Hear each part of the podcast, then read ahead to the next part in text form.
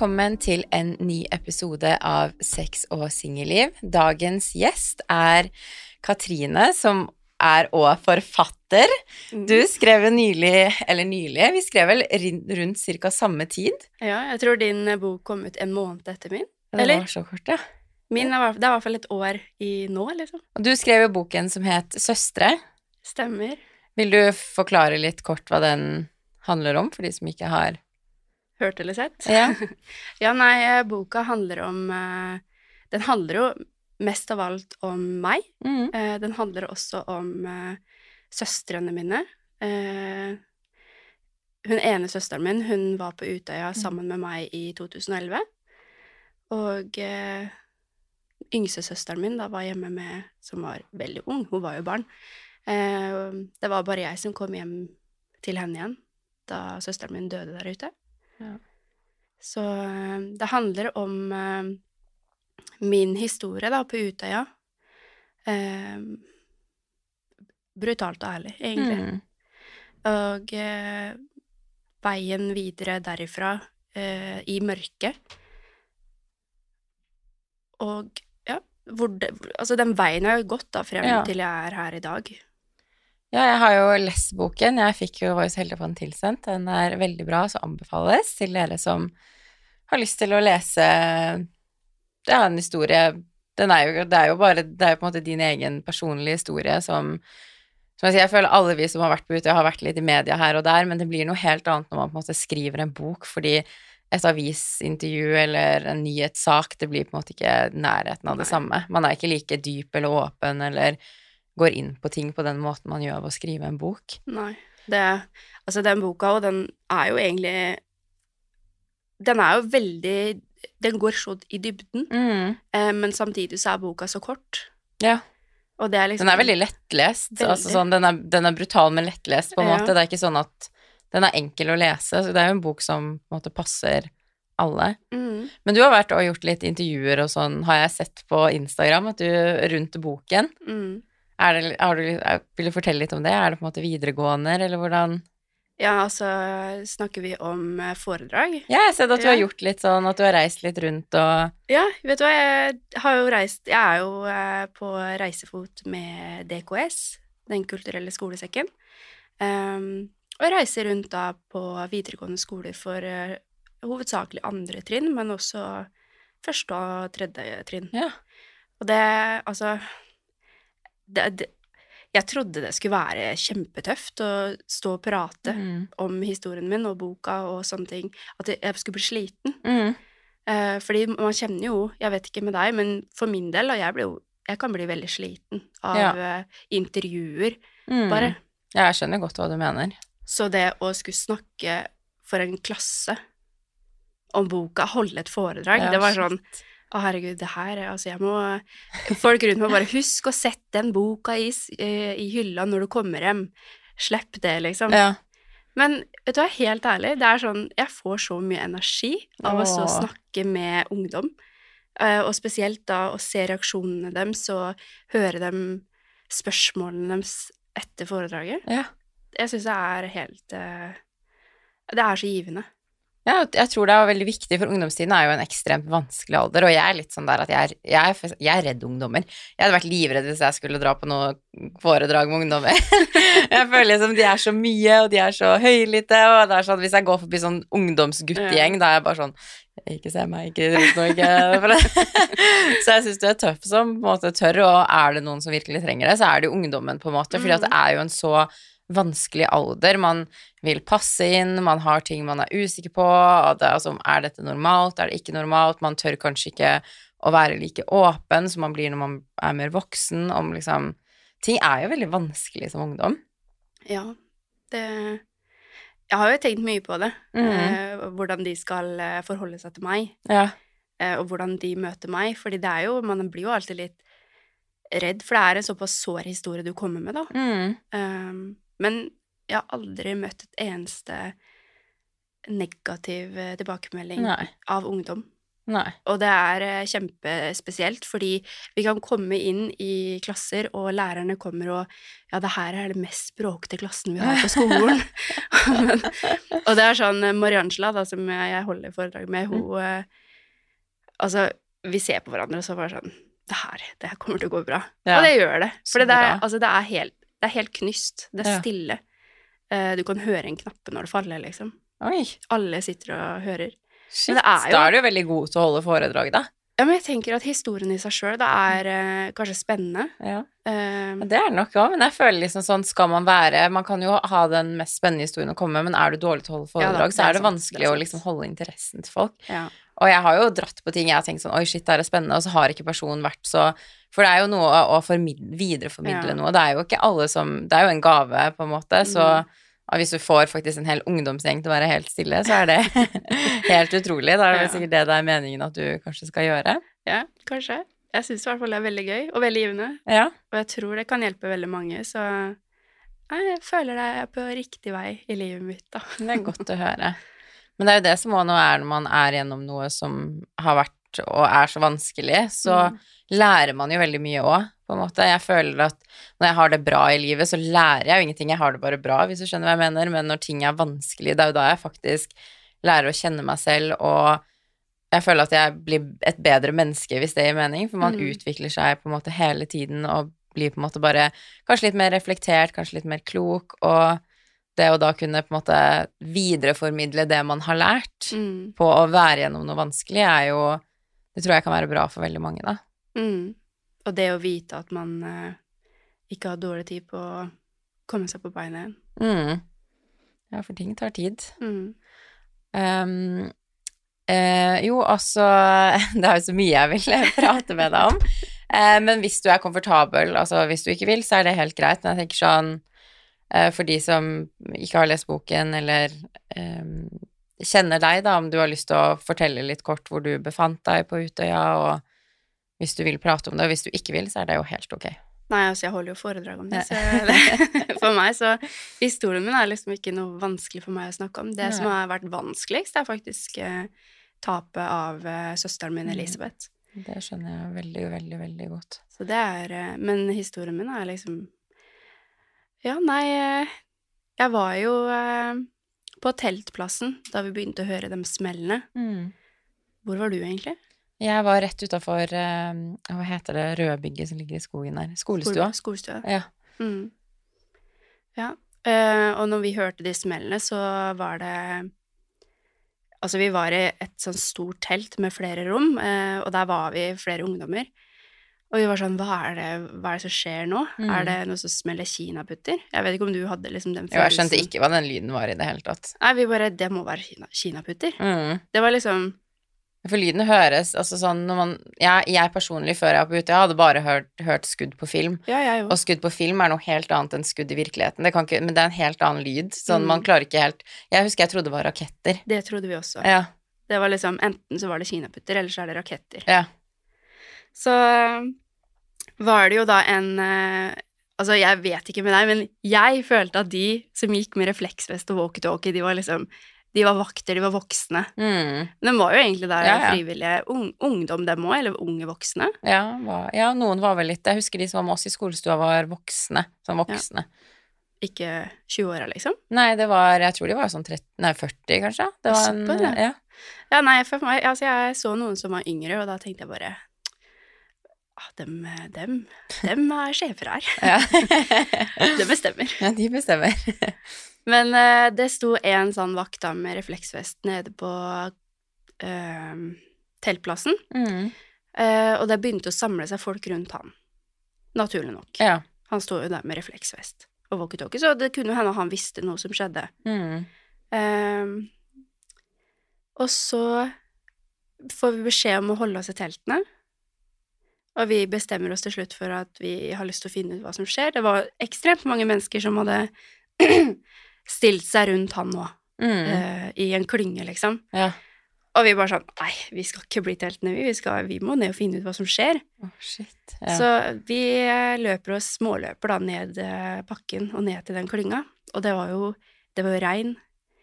Og akkurat der som vi lå, så var det liksom litt nedover bakken, ned, liksom.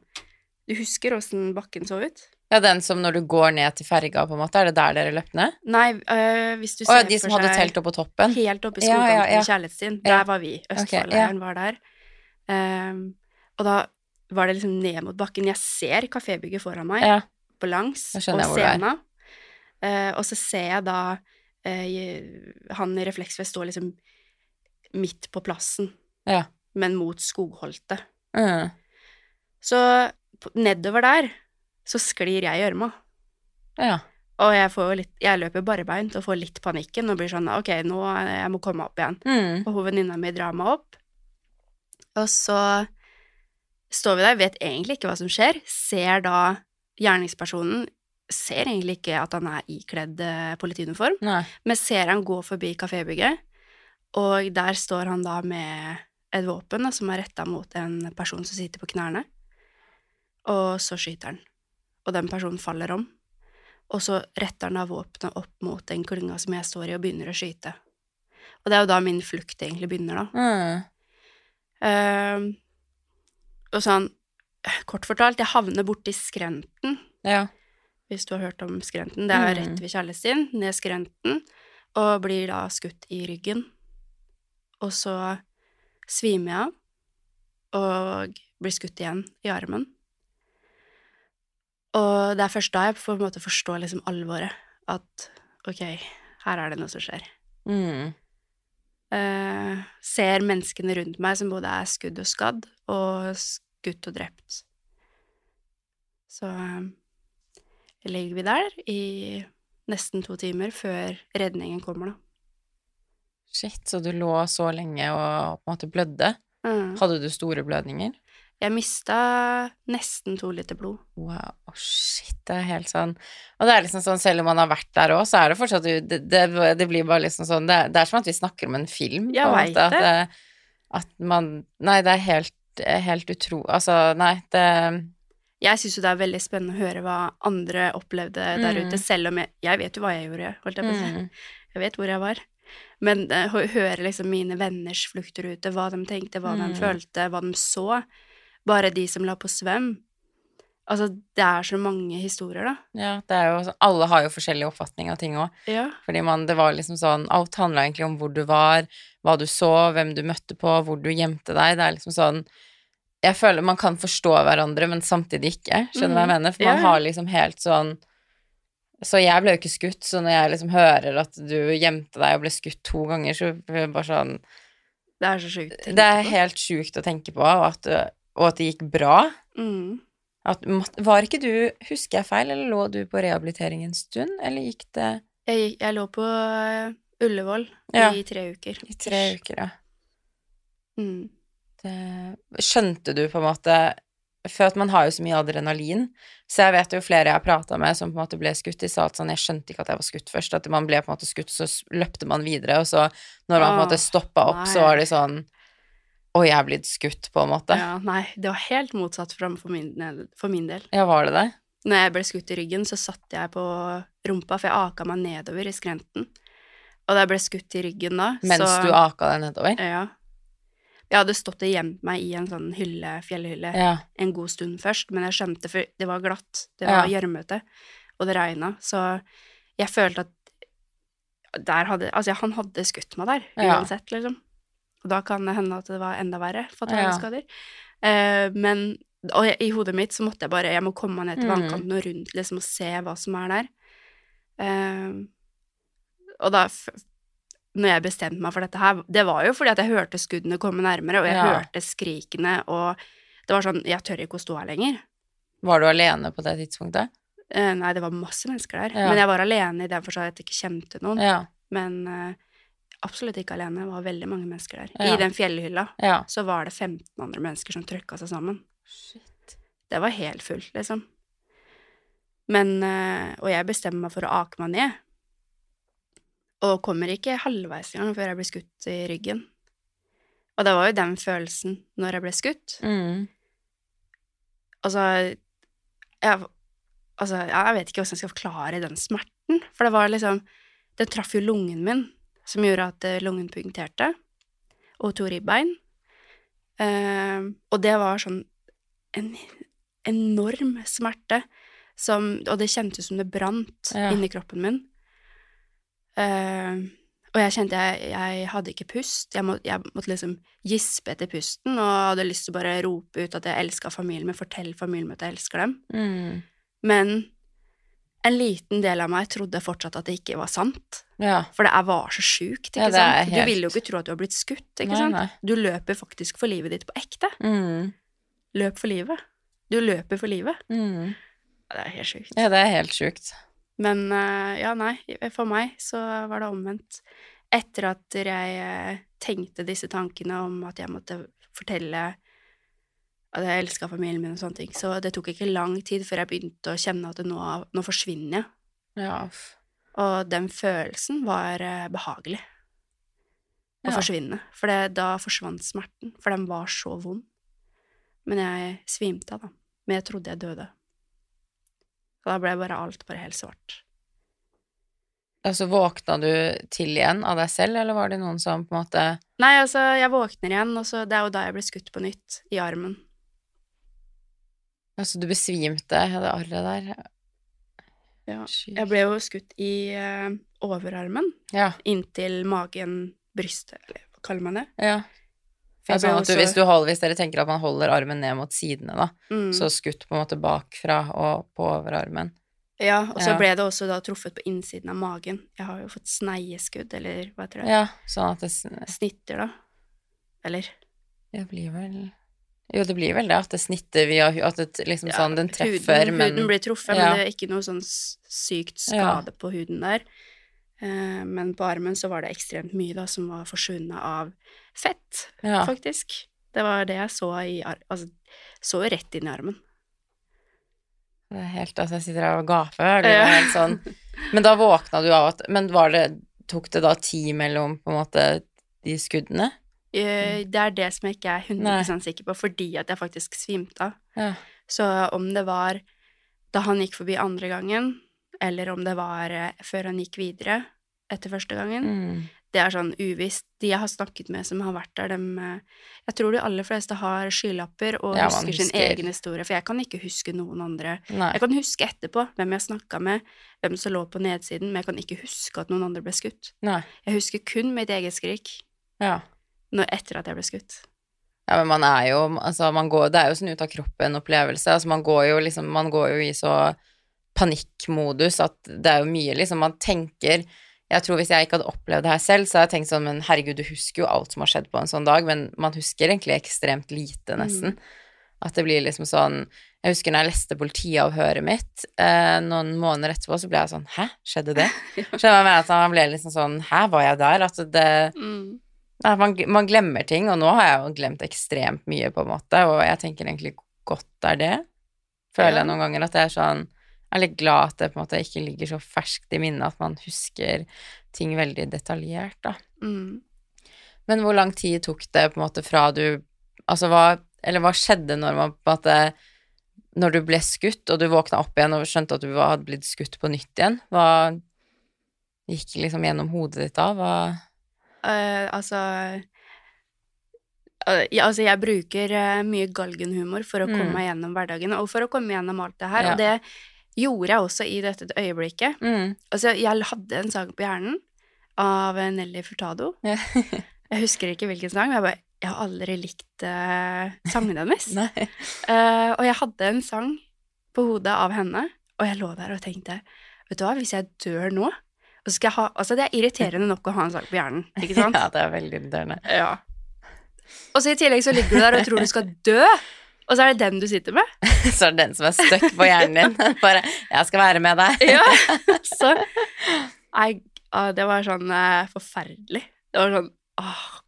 Men var det den som holdt deg bevisst, tror du? At du klarte å liksom være våken, eller besvimte du?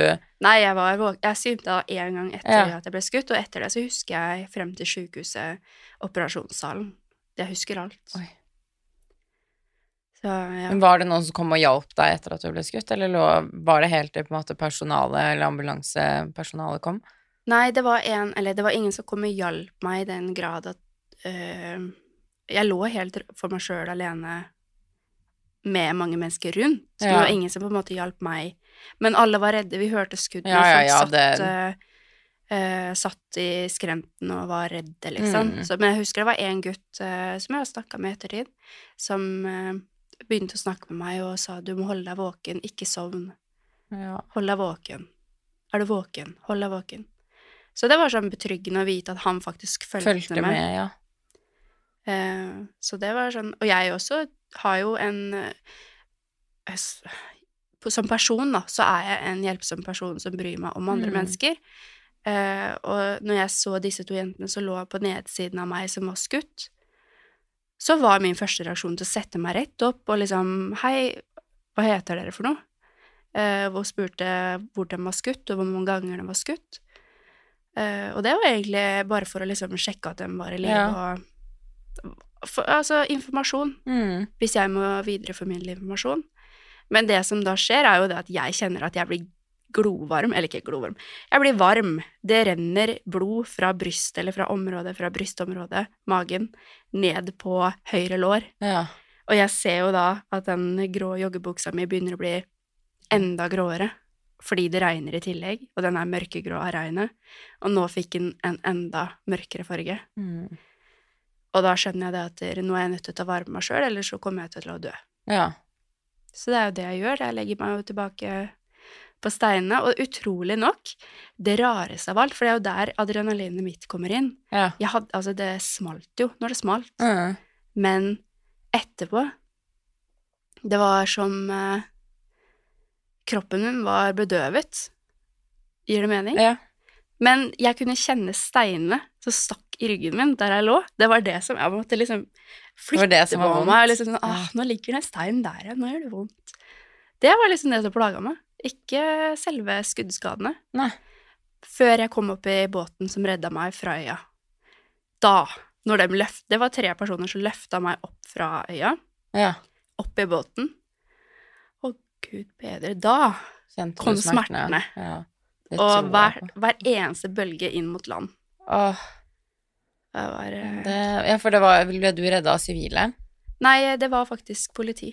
Å, det var politi. Eh, og på grunn av at jeg aldri så at gjerningspersonen var ikledd politiuniform, så var jeg liksom Når jeg Ikke så politiet, så var det sånn Å, det var på tide. Ja, Endelig. Ja. Men det var jo det. Ja. Det tok jo en evighet før de kom. Men hvis det var politi, da tok det litt tid før du kom over på andre siden. Mm. Ja. Men du var bevisst og alt mulig når du Mm. Og han eh, politimannen som satt ytterst Det jo, var jo et klipp på, eh, som gikk på nyhetene, Jeg tror der de kommer det, i en rød båt. Ja. Og det ligger Var du alene i den båten? Nei, det, det sitter flere. noen bak uh, i båten, men jeg ligger i fronten av båten. Jeg lurer på om jeg husker det. Hadde du på deg en genser Det var Utøya Ja, den grå ut... Ja, den grå ut... Ja, for Mm. jeg husker det klippet. Den Ja. med rød skrift. Ja. Nei, så det Ja. Det er jo faktisk et klipp som er med i en av de filmene, Utøya-filmene. Ja. Bare at jeg sladda. Men de som veit, de veit. De som veit, de veit. Nå vet dere òg.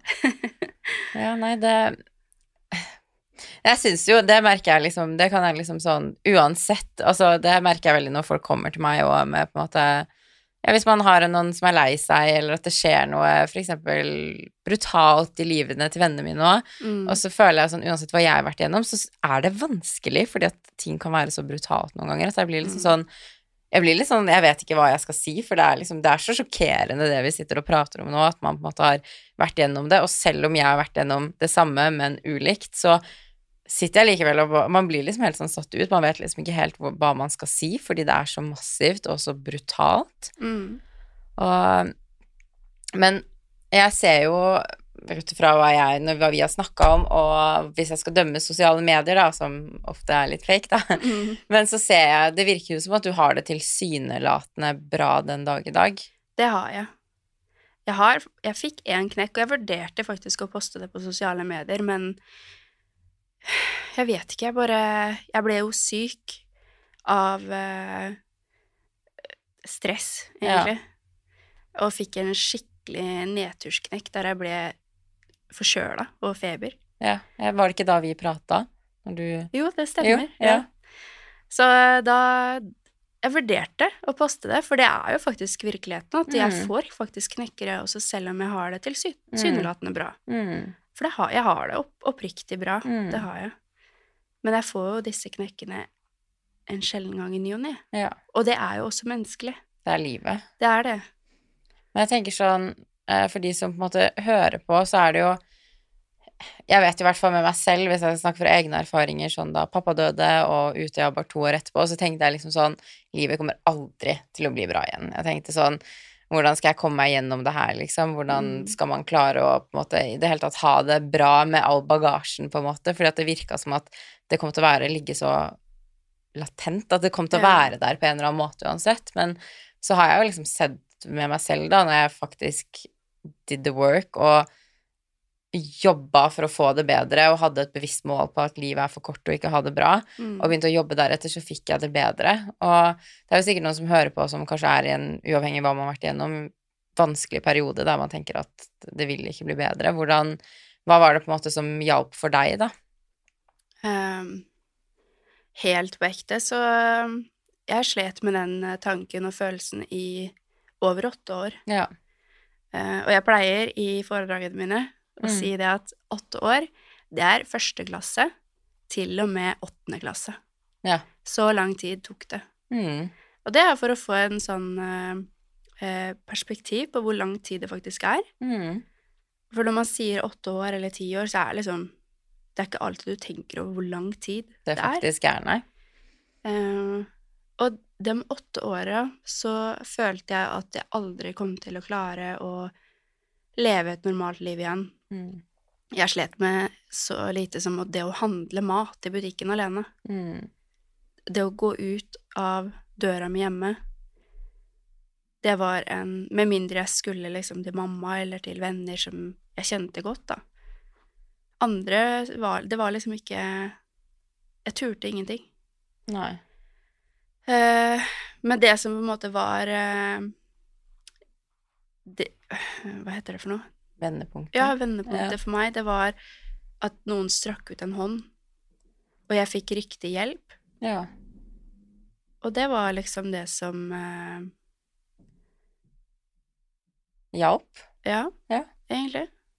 Ja, men så fikk du hjelp av på en måte en venn, eller gikk du til Nei, altså, psykolog? jeg har jo gått til psykologer i mange, mange år. Ja. Sånn til og fra. Vært på Modum Bad. Eh, vært hos psykiatere. Mm. Altså Hva er det jeg ikke har prøvd? mm. Og så var det da noen som strakk ut en hånd, og jeg fikk muligheten til å gå på NLP-coaching-studielæring. Altså, jeg utdanner meg som en NLP-coach. ah, det har jeg faktisk aldri hørt om. Nei, det handler om eh, um, måten å tenke på, egentlig. Ja. Eh, Det var utrolig interessant. det er det, og det er liksom noe jeg anbefaler Altså, det, er, det jeg lærte der, det skulle man lært på skolen. Mm. For det handler om ditt eget selv. Det handler om hvordan du ser på deg sjøl, og hvordan du snakker til deg selv. Mm. Og det var det som på en måte var vendingen for meg. Ja. At jeg begynte å være greiere med meg selv. Mm. Eh, jeg forsto mer av hvordan tankene mine fungerte, og hvordan jeg var nødt til å kunne snu dem. Fra å gå i krisemodus, uh, worst case-scenarioer For det var realiteten Mm. min i så lang tid. Det var krisetanker og eh, tenk om. Mm. Det, ja, det var sånn jeg levde. Konstant gikk den på repeat i hodet mitt. Ja. Men fra å gå fra de tankene til å plutselig tenke logisk, Mm. var reali... reali, herlig. Realiteten. Ja. Eh, realiteten, ja. I det her, da, som jeg tenker Ja, da falt jeg litt ut, egentlig. Men, Ja, men eh, er- sånn, du hører et smell, ja. ikke sant? Min tanke var nå er det noe som skyter. Mm. Realiteten er kanskje da ok, det var eh, pottesmell fra Ja. en bil. ja, men det Tenk, blir jo Du må snu det, liksom. Man må det. Mm. Og tanken har jo alt å si, og det er sånn Man er jo liksom forskjellige, og det er jo sånn Jeg tror det er det som er viktig å huske på når man på en Mm. måte Ja, at man ikke sammenligner seg med andre, fordi at noen klarer jo å jobbe seg gjennom ting relativt kjappere. Noen bruker lang tid, noen bruker mm, middels tid, ikke sant. Det er jo ingen fasit på hvor lang tid det tar. Og jeg brukte jo ekstremt mange år. Jeg tror liksom første gangen jeg begynte å få det bra, var 2020. Ja. Og da var det jo ni år senere. Det var første gangen jeg kjente på sånn ordentlig lykke over en lang periode, Mm. uten at det på en måte skjedde et eller annet. Og jeg husker jo, jeg tror det var i 2020, eh, slutten av 2020 For før så slet jeg jo veldig mye med angst. Um, og det er ikke lov å si når du er blogger eller influenser. Eh, og jeg husker jeg kjørte til butikken, og så fikk jeg et angstanfall. Mm. Og så skjønte jeg ikke hva det var først, for at det var så lenge siden jeg hadde hatt det, at jeg hadde glemt hvordan det var Ja, å ha det. Så jeg ble sånn Oi, shit. Um, hva var poenget mitt, egentlig? hva var det jeg skulle si? Jo, jo det, det var det som var poenget mitt. Jo, at eh, jeg syns det er veldig fint å spørre andre hva man på en måte har gjort, fordi at det er så mange forskjellige ting man kan gjøre for å få det bedre, og jeg føler Mm. ofte liksom hvis noen har det dårlig, så er det sånn ja, jeg bare gråt og blir ferdig med det, eller ja, ta deg en psykologtime, og det, det er liksom Det funker ikke for Nei. alle. det funker liksom ikke for alle, og jeg prøvde å gå masse til psykolog, og det bare, jeg klarte ikke å sitte der til en masjon og bare sånn, vi prøvde jo sånn lysterapi, altså vi prøvde så ekstremt mye forskjellig, og jeg bare, mm. fordi det er noe når noen spør sånn, hvordan har du det i dag, og så er det sånn, ja, jeg har det litt dårlig, hvordan føler du rundt det? Det, det er veldig sånn, Mm. jeg blir veldig ukomfortabel av å gå veldig sånn som samme som deg, så kan jeg lett fortelle min historie på UTA, men hvis noen hadde sagt liksom spurt meg noe mer dypt enn det, når det går liksom på hvordan føles det, så blir jeg sånn lukka med en gang, for det, det vil jeg ikke prate om. Ja. Ja. Nei, der er jo heldigvis ikke jeg. Nei. Du er god til Med å prate om Med mindre det er snakk om Elisabeth, da kan jeg Ja. det er, Ja. Så jo, kanskje. Kanskje Ja. jeg er litt der allikevel. Med For det man vil jo på en måte det som er vondt, man blir jo veldig Det er jo forsvarsmekanismen man har i, i kroppen sin, at når noe er vondt, så vil man skyve det vekk Ja. på en måte. Og det gjør jo ofte ting vondt verre. At Ja. man på en måte bare later som det ikke er der, og tenker sånn ja, ja, men hvis jeg bare later som det ikke har skjedd, eller later som det ikke er en del av hverdagen min, så går det over. Og sånn, det går jo over der og da, men så føler jeg at det alltid vil måte komme tilbake og ta deg på en eller annen Ja. Når du kanskje minst venter det. ja, det tror jeg også. Og det er jo det som en av de tingene jeg lærte, at hvis du åpner deg opp, da, Mm. og kjenner på følelsene dine Det var jo det som hjalp meg. Ja. Og jeg var også i Jeg vet ikke med deg, men for meg så var det jeg Det å gråte foran mennesker Mm. Mm -mm, Ja, nei. Klarte ikke. Nei. Og det var sånn jeg følte at gråter jeg foran mennesker, så viser jeg svakhet. Mm. Uh, og jeg hadde overlevd. Mm. Og jeg følte på den at jeg er nødt til å stå sterkt Ja. for familien min. For vi hadde jo mista Elisabeth i tillegg. Mm. Men jeg følte også at jeg måtte være sterk for hele Norge. Ja. Og da ble det en sånn uh, uh, En mur fra mine egne følelser. Mm. Følte jeg på følelsene mine, så var det helt alene. Sjelden med noen. vise. Det kjenner jeg meg faktisk veldig igjen, fordi at det ble en sånn rar ting at man hadde veldig mye dårlig samvittighet. Det Ja. At jeg følte ekstremt mye på dårlig samvittighet for at jeg på en måte kom ut av det i livet, og noen andre ikke gjorde det. Og jeg følte mye dårlig samvittighet for de foreldrene og familien som ikke fikk noen hjem, og så kom jeg hjem, og så skulle jeg på en måte være utakknemlig, hvis du skjønner hva jeg mener. Mm. Det var jo perioder der jeg tenkte sånn Jeg har bare lyst til å dø. For at det virka liksom Det virka så vanskelig å skulle klare å få et normalt liv igjen at jeg tenkte sånn Faen, jeg vil bare dø. Og det var jo sånn som du sier òg, at man bare sånn Det føltes nesten skamfullt å gråte, for at vi var de overlevende, vi burde være takknemlige. At man gikk veldig mye med sånne tanker og følelser fordi at vi var liksom de heldige. Mm. Og da måtte vi òg være de sterke, fordi vi hadde tross alt fått Jeg, jeg pleier å si at jeg har fått livet i gave en gang til, for det Ja, føler jeg jo at jeg har. Mm. Uh, og jeg følte det kom veldig mye ansvar med det. At det liksom var sånn Hvorfor skal jeg gråte når jeg enda lever? Ja. Og så følte jeg også det at Snakka du om det, eller hvis du viste noe form for følelse rundt det, skrev ned blogg om det, så var det for oppmerksomhet. Mm. Du kunne ikke gjøre det med mindre det var for oppmerksomhet. Jeg vet det. Og det husker jeg, det, det var eh, så slitsomt. Uh, fordi du har et behov Mm. av å kunne fortelle jeg, er, jeg står for det, at skal du få det bedre med, deg sjøl, så er du nødt til å åpne deg opp 100 Jeg er og kjenne på følelser, vise følelser og anerkjenne følelsene dine. Mm. Uh, og hvordan skal du Som ung, da, Mm. og ikke på en måte få lov til det fordi at andre ungdommer mener ting om deg. Mm. Det blir jo vanskelig. Kjempevanskelig. Og det er jo som vi prata om innholdsvis i liksom starten her òg, at det er dritvanskelig å være ungdom. Ja. Og det er mye man skal tilpasse seg. Skal man liksom i tillegg ha alt det her oppå, som var veldig vanskelig. Og det er jo som du sier, har du Og jeg vet jo at det har vært mye avisartikler om på en måte Utøya-overlevende som har opplevd ekstremt mye hets i tiden etterpå. Har du Nei, opplevd Nei. egentlig ikke så mye, men jeg vet om Ja. Vi fikk jo et brev. Det er jo ikke hets i den forstand, det var jo et uh, Kaller man det et trusselbrev? What?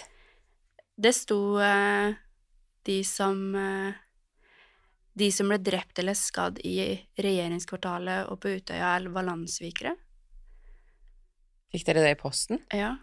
Og det var adressert til mamma. Og i akkurat det tidspunktet Det her var jo i 2012, tror jeg. Ja, men det Tidlig var ett år etter, ikke ett år etter engang, da. Nei. Uh, og da kan jeg huske det at dere vi, vi hadde jo ikke hørt om det før. Nei. Og det var liksom de som ble drept og skadd. Mm. Det sto også regjeringskvartalet, men det sto Utøya òg. Mm. Og det første jeg tenkte, var at det her var personlig til oss, fordi at vi hadde én drept og én skadd. Mm.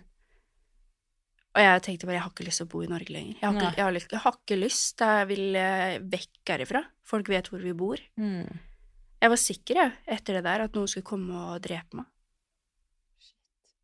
Men selvfølgelig, altså det er jo ikke rart at man tenker sånn med tanke på hva du har vært igjennom, og så dukker det der opp i posten. Og jeg ser jo det har vært veldig liksom sånn ser jo flere har opplevd å få mye, og det er bare helt vilt, på en Mm. måte. Jeg blir helt sånn Og det der med oppmerksomhet òg, det har jo jeg fått ekstremt, ekstremt mye. At vi liksom, hvis jeg prata noe om Utøya eller pappa eller angst generelt, så var det sånn Å, du er bare enda en blogger med angst, eller du gjør bare dette for oppmerksomhet. Og det merka jo jeg lukka meg veldig, for jeg husker når jeg liksom fikk plattformen min, så var jeg å, jeg skal bruke den til noe bra. Og så prøver du, og så er folk sånn du gjør dette bare for klikk og bla, bla, bla. Og jeg merka jo at hver gang jeg på en måte skrev noe om Utøya, for eksempel, så var det jo det som ga minst klikk. Det som gir mest klikk, er jo sånn Var ekskjæresten min utro mot meg? Swipe Ja. opp for å lese. Det er ikke sånn Jeg har en drittdag, swipe opp, eller sånn. Liksom Nei, sånn. Det er i hvert fall det at jeg tror Og det handler jo ikke bare om meg, men jeg tror veldig mange har vanskeligheter, i hvert fall når man ikke har vært gjennom noe vanskelig selv, at man har vanskeligheter for å forstå at ting tar tid. Mm. Og det er liksom sånn Man trenger ikke å ha opplevd Utøya, det kan være andre ting man også opplever som vondt og traumatiserende, og det er ikke unormalt at det på en måte tar mange år før man i det hele tatt føler seg bedre igjen. Ja. Og jeg kan jo også forestille meg det at mennesker som på en måte ikke er direkte berørt av Mm. Utøya, men kanskje kjente noen som kjente noen, Mm. at de også har fått Altså muligens en traume. Mm. At de også har slitt i ettertid. Det er jo ikke kun vi som er direkte berørt av det. nei. Det er jo liksom en nasjonal eh, sorg Mm. og traume. Så det er jo det som er så trist, at vi skal legge et hat på det. Ja. Altså, ikke nok med det, men det er jo som du sier, ting tar tid, og det er forskjellig fra person til Mm. person. Noen har behov av å snakke om det. Jeg tenker jo at det er veldig fint å være åpen og snakke om det på en plattform, Mm. for det skaper forståelse. For noen ikke. Mm. Ja. uh, og for noen så kanskje det er en åpenbaring om hva de sliter med selv, hvis man Mm. snakker om følelser og uh, hva man gjennomgår, da. At man kan kanskje plutselig kjenne seg igjen og sette et navn på det man går gjennom selv. Mm.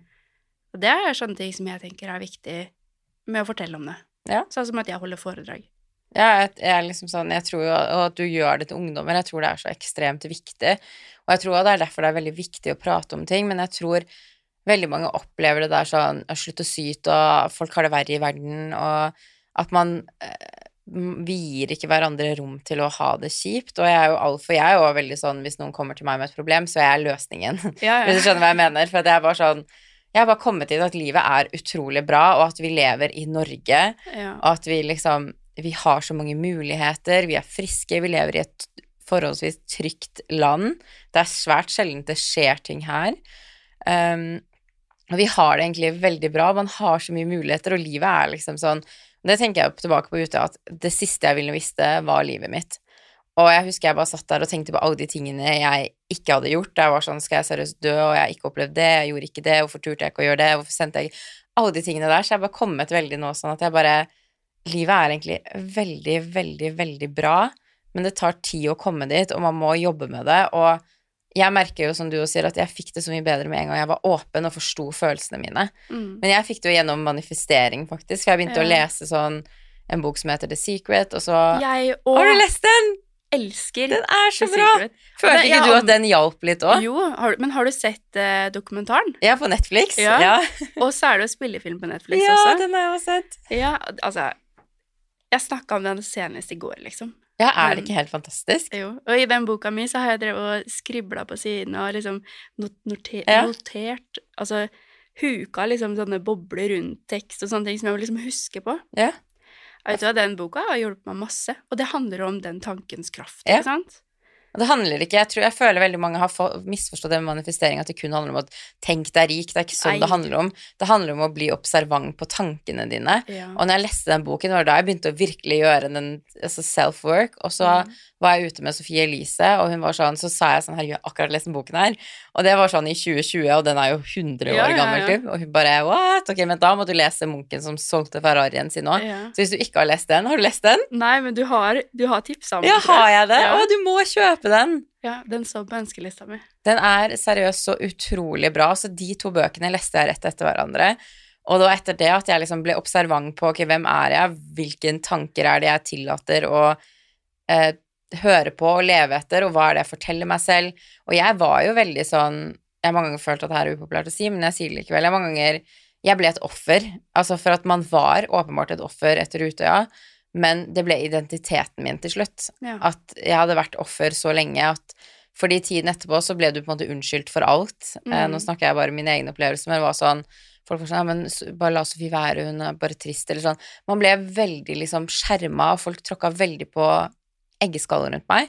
Og jeg føler at alt ansvar ble tatt fra meg, at ingen, ingen kunne holde meg ansvarlig for noe lenger, for at stakkars Sofie. Mm. Og jeg føler at jeg tok med den identiteten videre, at jeg bare var sånn Ja, stakkars meg, livet mitt suger, Um, jeg kommer aldri til å få det bra, og jeg nesten ble komfortabel i denne her offer... Ja, du òg? Jeg òg, jeg òg. Ja. Helt akkurat samme. Det var, det var det jeg sa til meg sjøl, at ja, men jeg har jo vært på ute, det er jo synd på meg, Ja. eller det er jo ikke rart jeg har det jævla kjipt. Nei. For det er jo det som er realiteten. Mm. Jeg var jo der og sa sånne ting til meg sjøl. Det var ikke sånn at jeg var sånn åpen for andre, Nei, at jeg nei, nei, sa 'stakkars meg'. For jeg ville aldri at noen Jeg ville aldri sette meg et offer eller som et offer for andre mennesker, Nei. og spesielt ikke familie og venner, men i mitt eget lille Mm. hode. Der! Der fortalte man sånne ting. Ja. Og det er jo der alt skjer, i Mm. ditt eget hode.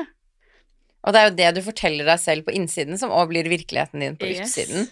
Og når jeg forsto det, og hvordan jeg snakka til meg selv, og jeg kunne òg, jeg skal være så ærlig innrømme å si at jeg kunne liksom Jeg er ikke perfekt menneske hele tiden. Jeg kan såre folk jeg er glad i uten å egentlig mene det, men istedenfor å bare si liksom Faen, sorry, jeg dreit meg ut. Jeg bare Jeg vet ikke, jeg bare har en dårlig dag. Så er jeg sånn Å, du, sorry, jeg, var, jeg hadde en dårlig dag på grunn av pappa eller ute. Altså, jeg hadde liksom alltid en Jeg ble så trygg med å bli skjerma at jeg var sånn Jeg brukte det liksom jeg, det ble liksom identiteten min. Altså jeg trodde at hver gang jeg var kjip eller hadde det dårlig, så handla det et eller annet om pappa eller Uta. Mm. Det kunne bare ikke være at jeg hadde en dårlig dag. Mm. På en måte, det måtte være Hodet mitt fortalte meg liksom sånn Ja, ja, men du var slem, sånn som du sier, på grunn av at stakkars deg, du var på Utøya, eller du er lei deg og sint nå fordi stakkars deg, pappaen din døde. At man har liksom Men jeg tror også, i og med at vi var så unge da, mm, for du var 16, yeah. og jeg var 17, og jeg tror da at vi Vi har jo ikke starta på en måte livet ennå, vi var jo fortsatt ungdommer. Mm, I starten av ungdomstiden også. Jeg tenker eh, Det vi på en måte lærte etter det, da, mm, det er jo vanskelig å snu. yeah. Når det er det som på en måte er blitt din virkelighet. vi- ja, virkelighet. da. Mm, Det er det du vokser inn i. Ja. Du mister den ungdomstiden din. Du mister Mm. Å finne deg sjøl som du egentlig skulle ha gjort. mm. Så det er jo Ja, nei, det er jo vanskelig, da, i, i den perioden der. Og så tror jeg òg det er veldig lett å Det har jeg bare innsett, liksom, og det ser jeg nå, når, jeg, når det der gikk opp for meg selv, at jeg på en måte til slutt ble Identiteten min ble Utøya og pappa, det var ikke meg lenger, det ble det. Så har jeg liksom merka på mennesker jeg kjenner som har sine utfordringer, at man på en måte Man blir veldig sykdommen sin i hermegåstegn, at man, Mm. man, man Jeg vet ikke hvordan man skal At man er så vant til å ha det der.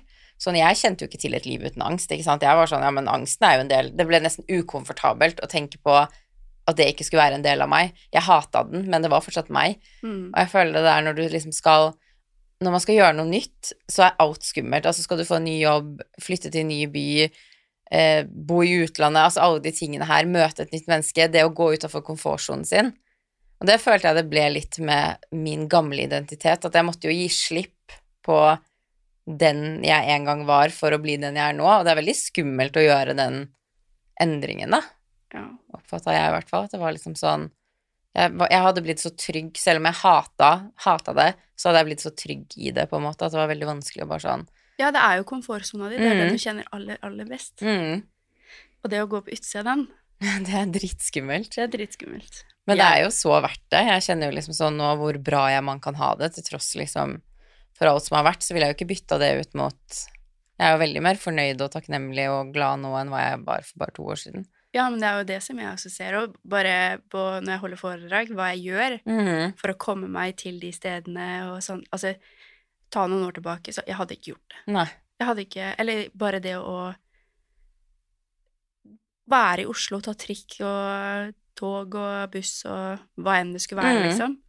Gå til et sted jeg ikke vet hvor er. Mm. Ok, men nå, nå tar jeg det bare på strak arm. Jeg får jo bare komme meg dit. Ja. Det var ikke noe jeg gjorde før. Nei. Da satt jeg meg heller ned og gråt Ja.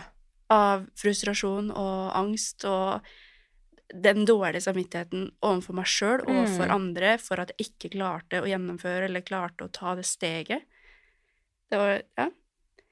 Det å komme dit, at man kan være trygg og gjøre disse tingene. Gå Mm. ut av komfortsona, da. Ja. For det er det som skal til for at du skal klare å ta det steget videre. 100% og bli bevisst på hva som For jeg ble ikke bevisst på ting før jeg på en måte begynte å lese The Secret og Ja. Munken som solgte Ferrarien sin. Så begynte jeg, det var da først jeg begynte å bli bevisst på alt jeg fortalte meg selv. At jeg ble sånn Jeg ble nesten skremt når jeg bare analyserte tankene mine, alle de stygge tingene jeg sa til meg selv, og var sånn Ja. Ja, det, Og så ble jeg bare sånn Oi, det er ikke rart at jeg enda har det sånn som jeg har det, for at jeg forteller meg jo selv hver dag at det er sånn jeg skal ha det. Jeg veit det. Det er jo også en ting av de tingene jeg, som jeg forteller i foredragene mine. Mhm. Det er jo måten du står og ser på deg sjøl i speilet, og snakker til deg sjøl, tenker om deg sjøl. Mm.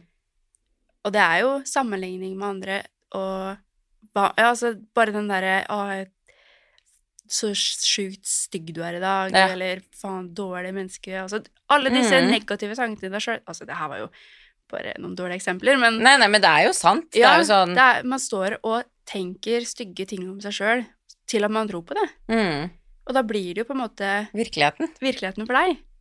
Og det er jo det, da, å snu den tankegangen. Mm. hver gang du ser deg sjøl, så tenk eller si en fin ting om deg sjøl. Mm.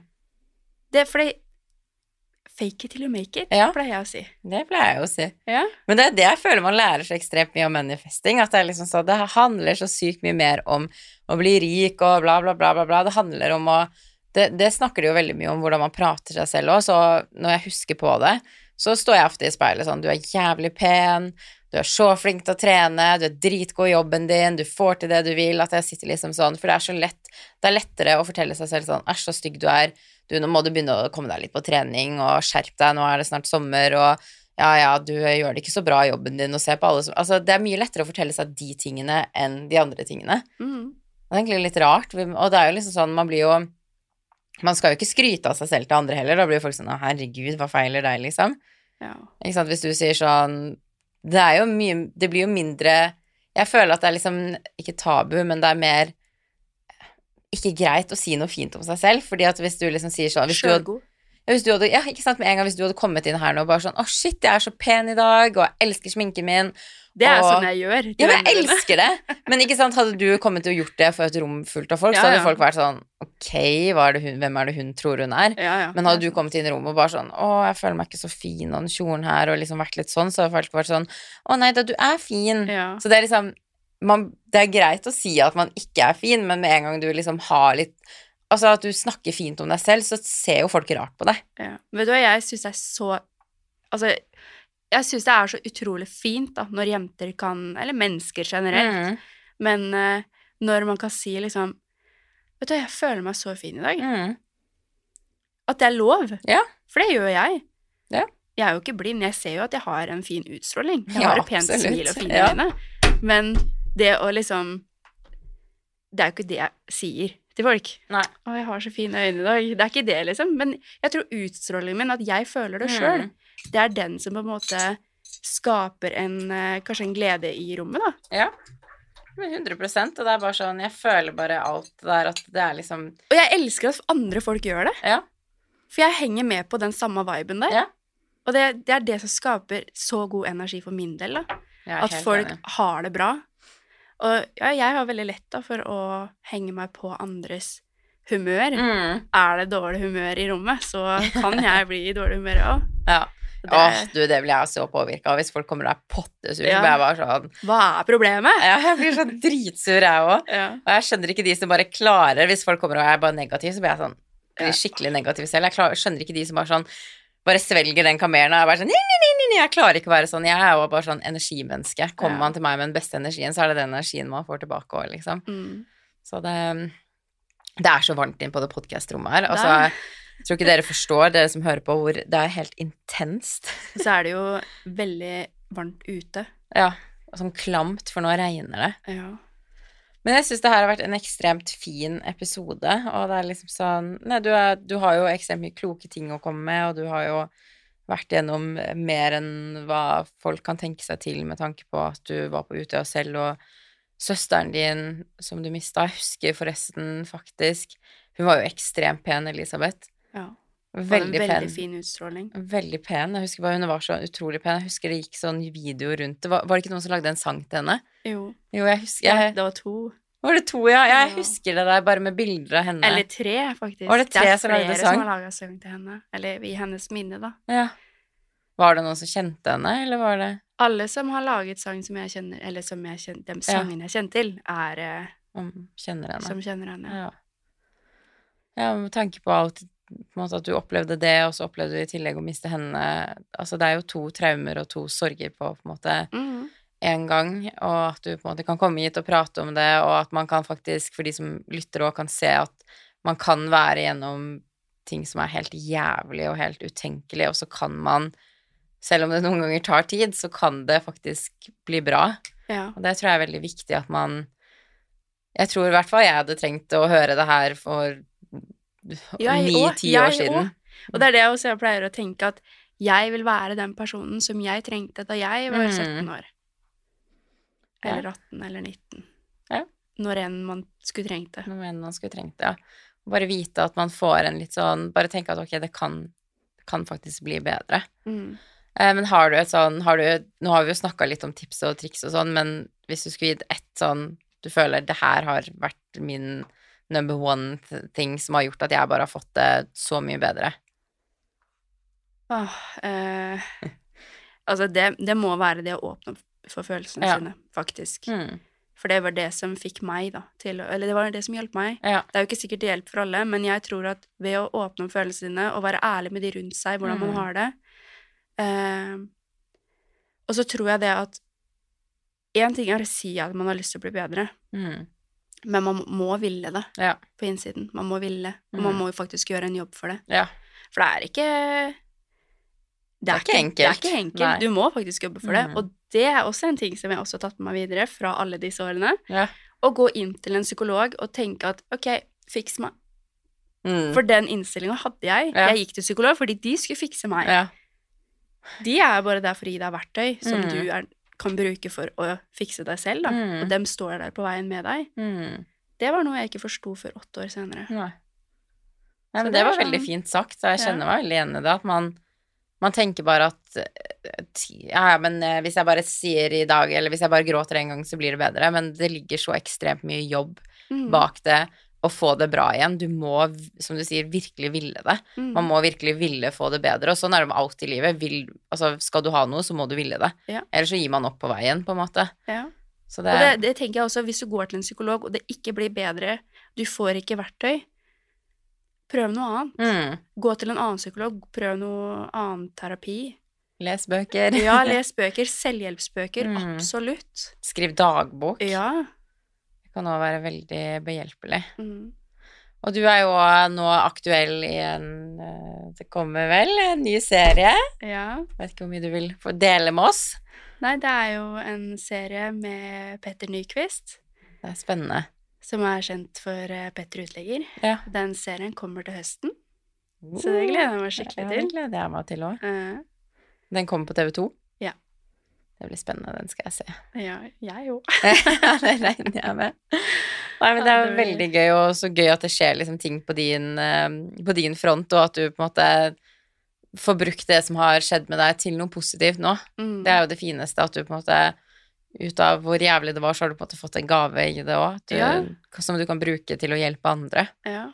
Det har jo berika livet mitt, det som har skjedd i noe i ettertid. Altså, Mm. det, er jo, det er jo sånn man må se det. Man må jo prøve å se det positive i alt som har skjedd. Mm. Og det her er jo min positive ting, at jeg kan lære andre om det, og snakke om det, og gjøre folk oppmerksom på følelsene sine, og Ja. hvordan man har det. Ja, nei, men du er nok Jeg merker jo måten du prater på. Det her er nok din, eh, din greie. Oh, you. Nei, men tusen, tusen takk for at du ville komme. Tusen takk for at du hadde lyst til å ha meg her. Selvfølgelig. Kanskje vi ser deg igjen. Jeg håper det. Ja, jeg òg. Ja. Ha det. Ha det!